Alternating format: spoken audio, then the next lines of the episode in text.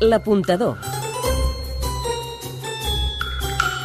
Les estrenes de teatre amb Pep Vila.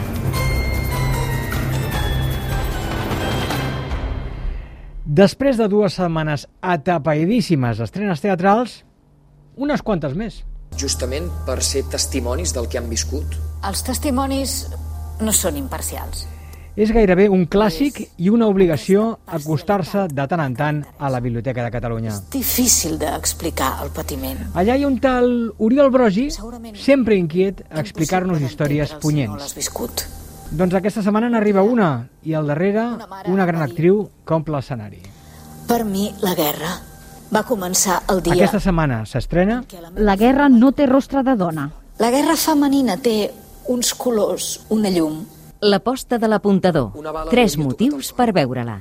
En aquell moment, El primer, perquè la història prové d'un text d'una gran dona, l'Esvetlana Alexievich, escriptora guanyadora del Premi Nobel de Literatura fa 5 anys. el segon, perquè ofereix un relat colpidor de les dones que van lluitar a la guerra en un escenari bèl·lic, encara amb olor de batalla, moltes dones expliquen les seves històries a un periodista.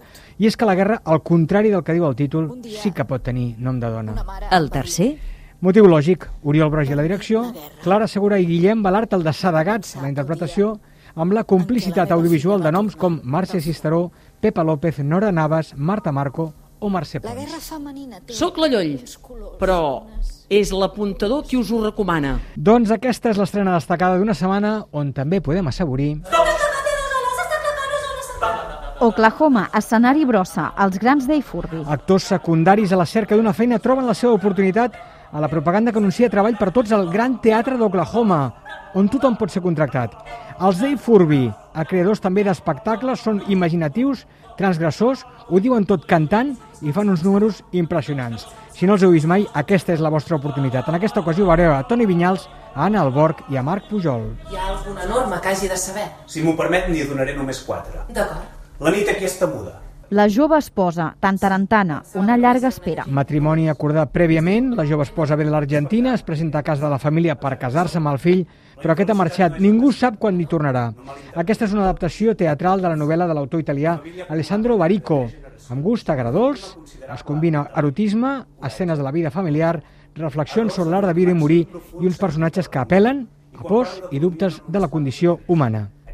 Atlàntida, tríptic desaparegut, teatre eòlia, investigació sobre la pèrdua d'humanitat. Tres retrats que dirigeix Elena Roca. En el primer, en un món futur, l'Estat intenta recobrar el seu poder davant el capital.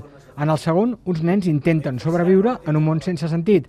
En el tercer, una societat on el mercat s'ha infiltrat en tota la vida queda sepultada per una llau de missatges i notícies que es desfan a cada instant. Navidad, teatre borràs, el retorn de Toni Muc. L'humorista torna a Catalunya pel Nadal, ara amb canvi de teatre per desaparició al Capitol.